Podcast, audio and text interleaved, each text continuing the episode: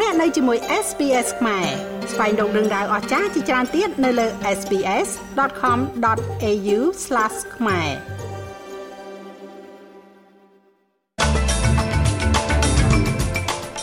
អតីតប្រធានាធិបតីអាមេរិកលោក Donald Trump ត្រូវបានចោទប្រកាន់ដោយក្រុមប្រឹក្សាតុលាការ Manhattan រដ្ឋាភិបាលកំណត់គ្រប់គ្រងការដំឡើងប្រាក់ឈ្នួលអបបរមាសម្រាប់បុគ្គលិកកម្មករអូស្ត្រាលី ប្រធានាធិបតីអ៊ុយក្រែនបានថ្លែងអំណរគុណដល់អ្នកគាំទ្រអ៊ុយក្រែននៅថ្ងៃទី400នៃសង្គ្រាមជាមួយរុស្ស៊ី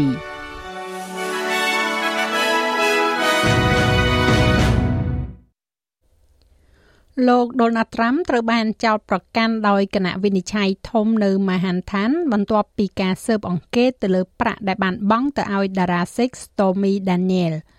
ការចោទប្រកាន់នេះបានធ្វើឲ្យលោកត្រាំក្លាយទៅជាអតីតប្រធានាធិបតីអាមេរិកដំបូងគេដែលប្រឈមមុខទៅនឹងការចោទប្រកាន់ពីបទឧក្រិដ្ឋទោះបីជាលោកបានឈរឈ្មោះធ្វើជាបេក្ខជនប្រធានាធិបតីមួយអាណត្តិទៀតក៏ដោយការចោទប្រកាន់ដែលកើតចេញពីការស៊ើបអង្កេតដឹកនាំដោយមេធាវីក្នុងតំបន់ Manhattan នៃគណៈបកប្រជាធិបតេយ្យលោក Alvin Bragg នេះធ្វើអាចធ្វើឲ្យមានការប្រែប្រួលនៅក្នុងការប្រជែងបេក្ខជនប្រធានាធិបតីឆ្នាំ2024របស់លោក។ លោកត្រាំធ្លាប់បាននិយាយថាលោកនឹងបន្តធ្វើយុទ្ធនាការសម្រាប់ការតែងតាំងរបស់គណៈបកសាធារណរដ្ឋប្រសិនបើត្រូវបានចោទប្រកាន់ពីបទឧក្រិដ្ឋក៏ដោយការចោទប្រកាន់ជាក់លាក់នៅមិនទាន់ដឹងនៅឡើយទេហើយការចោទប្រកាន់នេះទំនងជានឹងត្រូវប្រកាសនៅប្រមាណថ្ងៃខាងមុខលោកត្រាំនឹងត្រូវធ្វើដំណើរទៅកាន់ទីក្រុង Manhattan សម្រាប់ការផ្តិតមេដាយនិងដំណើរការផ្សេងទៀតនេះបើតាមប្រសាសន៍របស់លោក Nima Ramani អតីតព្រះរាជអាជ្ញាសហព័ន្ធ Trump will be given the opportunity to លោកត្រាំនឹងត្រូវបានផ្ដល់ឱកាសឲ្យបង្ហាញខ្លួននៅតុលាការគាត់នឹងមិនត្រូវបានចាប់ខ្លួនទេឥឡូវនេះគាត់នឹងត្រូវបានណាត់ជួបដែលមានន័យថាគាត់នឹងត្រូវផ្តិតមេដៃគាត់នឹងត្រូវគេថតរូបប៉ុន្តែប៉ុណ្ណាមិនមានការចាប់ដាក់ខ្នោះឬក៏ដាក់ក្នុងមន្ទីរឃុំឃាំងជាមួយនឹងមនុស្សទូទៅទេការិយាល័យមេធាវីស្រុកមហានឋានបានតាក់ទងមេធាវីរបស់លោកត្រាំដើម្បីរៀបចំឲ្យលោកយល់ព្រមចោះចាញ់ក្តីនេះ។ អ្នកកសែតអូស្ត្រាលីម្នាក់ដែលត្រូវបានឃុំខ្លួននៅក្នុងប្រទេសចិនមួយឆ្នាំក្រោយនៅតែរងចាំលទ្ធផលនៃការកាត់ក្តីរបស់គាត់នៅឡើយបើទោះបីជាមានការទៀមទាពីរដ្ឋាភិបាលសហព័ន្ធសម្រាប់ដំណើរការក្នុងសំណុំរឿងនេះក៏ដោយក្តីរដ្ឋមន្ត្រីការបរទេសលោកស្រី Penny Wong បានប្រារព្ធខួបមួយឆ្នាំនៃការកាត់ទោសលោកស្រី Chen Lei ដោយនិយាយថាលោកស្រីមានការព្រួយបារម្ភយ៉ាងខ្លាំងចំពោះលោកស្រី Chen និងក្រុមគ្រួសាររបស់គាត់ ពិធីករទូរទស្សន៍ដែលមានដើមកំណើតនៅប្រទេសចិនរូបនេះបានជាប់ពន្ធនាគារក្នុងឆ្នាំ2020បន្ទាប់ពីត្រូវបានចោទប្រកាន់ពីបទផ្គត់ផ្គង់អាកំបាំងរដ្ឋដោយខុសច្បាប់នៅបរទេសករណីរបស់លោកស្រីត្រូវបានដំណើរការនៅក្នុងការកាត់ក្តីបិទទ្វារមួយបន្ទាប់ពីរយៈពេល19ខែនៅក្នុងការឃុំឃាំងទោះបីជាមានការអំពាវនាវដោយរដ្ឋាភិបាលអូស្ត្រាលីឲ្យផ្ដល់ឲ្យលោកស្រីចេញនៅស្តង់ដារមូលដ្ឋាននៃយុត្តិធម៌ក៏ដោយ។ រដ្ឋាភិបាលត្រូវបានកំណត់ឲ្យគ្រប់គ្រងការដំឡើងប្រាក់ឈ្នួលសម្រាប់បុគ្គលិកកម្មករដែលមានប្រាក់ខែទាបបំផុតរបស់ប្រទេសអូស្ត្រាលីដោយបានចេញផ្សាយសំណើរបស់ខ្លួនទៅកាន់ការត្រួតពិនិត្យប្រាក់ឈ្នួលប្រចាំឆ្នាំរបស់គណៈកម្មការយុតិធធការងារឬក៏ Fair Work Commission នៅថ្ងៃនេះ ACTU កំពុងជំរុញឲ្យមានការដំឡើងប្រាក់ឈ្នួលអប បរមាចំនួន7%និងការផ្ដល់រង្វាន់ស្របទៅតាមអតិផរណាខណៈដែលសភាពាណិជ្ជកម្មនិងឧស្សាហកម្មអូស្ត្រាលីបានផ្ដល់អនុសាសន៍ឲ្យមានការដំឡើងសរុបជាមធ្យម4%ការដាក់ស្នើរបស់រដ្ឋាភិបាលមិនផ្ដល់តួលេខដែលបានណែនាំទេប៉ុន្តែជំរុញឲ្យគណៈកម្មការធានាឲ្យបាននៅប្រាក់ឈ្នួលពិតប្រាកដរបស់កម្មករដែលមានប្រាក់ខែទាបរបស់ប្រទេសអូស្ត្រាលីមិនឲ្យថយក្រោយ។ រដ្ឋមន្ត្រីក្រសួងទំនាក់ទំនងឧស្សាហកម្មលោក Tony Berg មានប្រសាសន៍ថាការដំឡើងប្រាក់ឈ្នួលអបបរមានឹងមិនបង្កើនអត្រាអតិផរណាទេ We know that inflation is not driven by high wage growth. យើងដឹងថាអតិផរណាមិនត្រូវបានជំរុញដោយកំណើនប្រាក់ឈ្នួលខ្ពស់នៅក្នុងប្រទេសអូស្ត្រាលីទេពីព្រោះយើងមិនមានកំណើនប្រាក់ឈ្នួលខ្ពស់នៅក្នុងប្រទេសអូស្ត្រាលីសូម្បីតែកាលពីឆ្នាំមុននៅពេលដែលបុគ្គលិកកម្មករដែលមានប្រាក់ខែទាប គណៈកម្មការយុតិធធការងារបានផ្ដល់ការដំឡើងប្រាក់ឈ្នួល5.2%តែសន្ទុះនៃតម្លៃប្រាក់ឈ្នួលនៅតែដំណើរការនៅ3.3%ដូច្នេះតកតងទៅនឹងផលប៉ះពាល់ទូទាំងសេដ្ឋកិច្ចគំនិតដែលថាវានឹងជាកត្តាជំរុញនៃអតិផរណានោះគឺមិនពិតទេ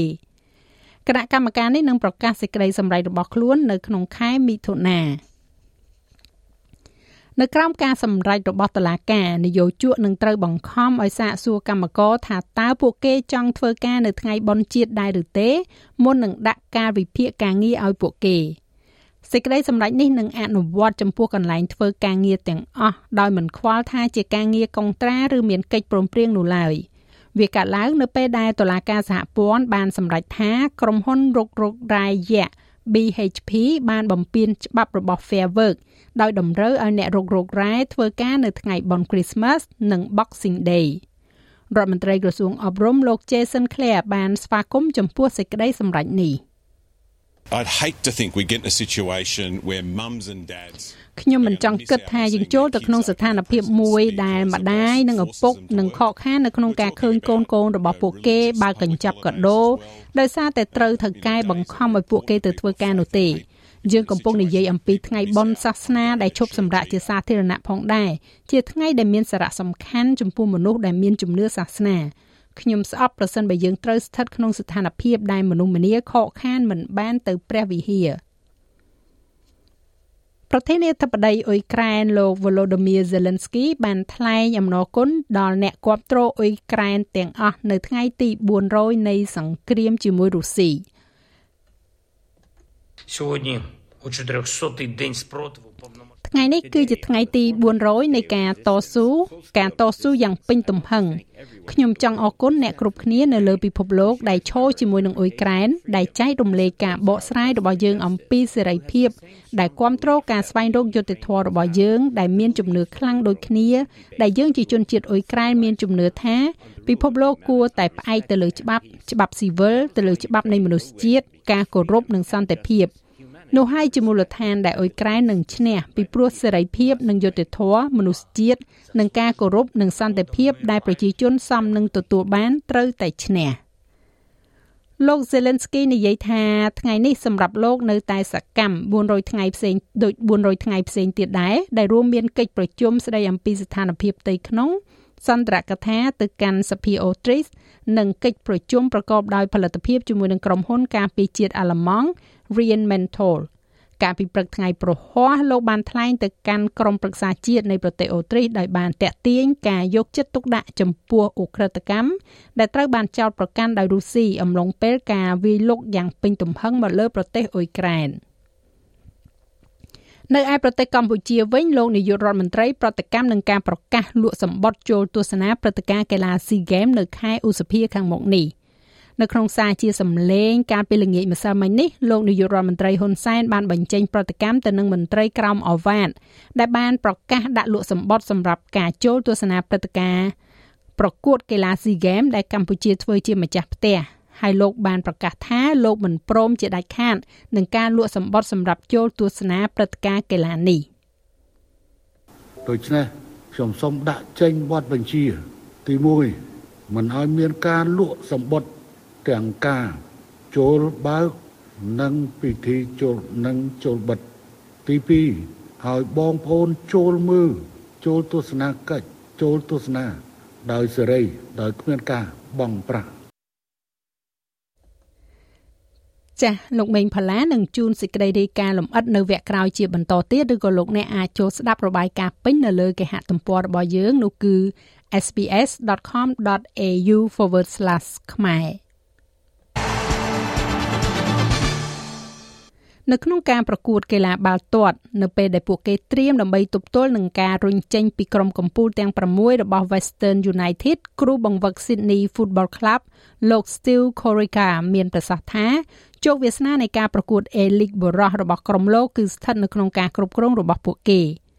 ក្រុមស៊ីដនីទើបតែឈ្នះបានមួយប្រកួតគត់នៅក្នុងការប្រកួត5លើករបស់ពួកគេហើយការប្រកួតចុងក្រោយនោះគឺការវាយបក4ទល់នឹង0ក្នុងដៃរបស់ Western Sydney Wanderer នៅកីឡាដ្ឋាន Alliance លោក Corica និយាយថាវាគឺជារឿងខកចិត្តចំពោះការចាញ់ការប្រកួតដៃគូក្នុងស្រុកនេះតែលោកបានបន្ថែមថាក្រុមនេះត្រូវតែបន្តទៅមុខចំណែកឯអត្រាប្តូរប្រាក់វិញនៅថ្ងៃនេះ1ដុល្លារអូស្ត្រាលីមានតម្លៃប្រមាណជា ជាង67សេនដុល្លារអាមេរិកបន្តិចត្រូវនឹង2720រៀលប្រាក់រៀលខ្មែរ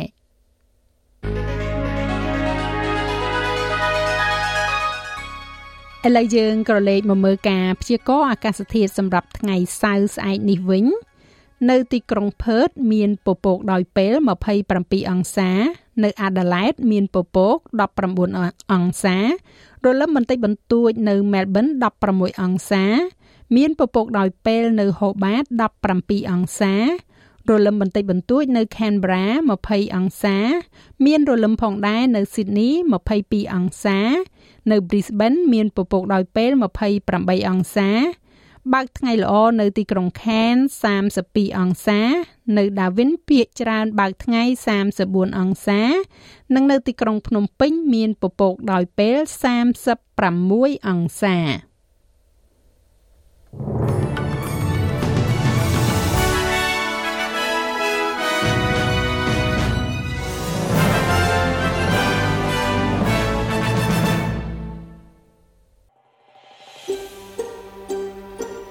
ចង់ស្ដាប់រឿងក្រៅបែបនេះបន្ថែមទៀតទេ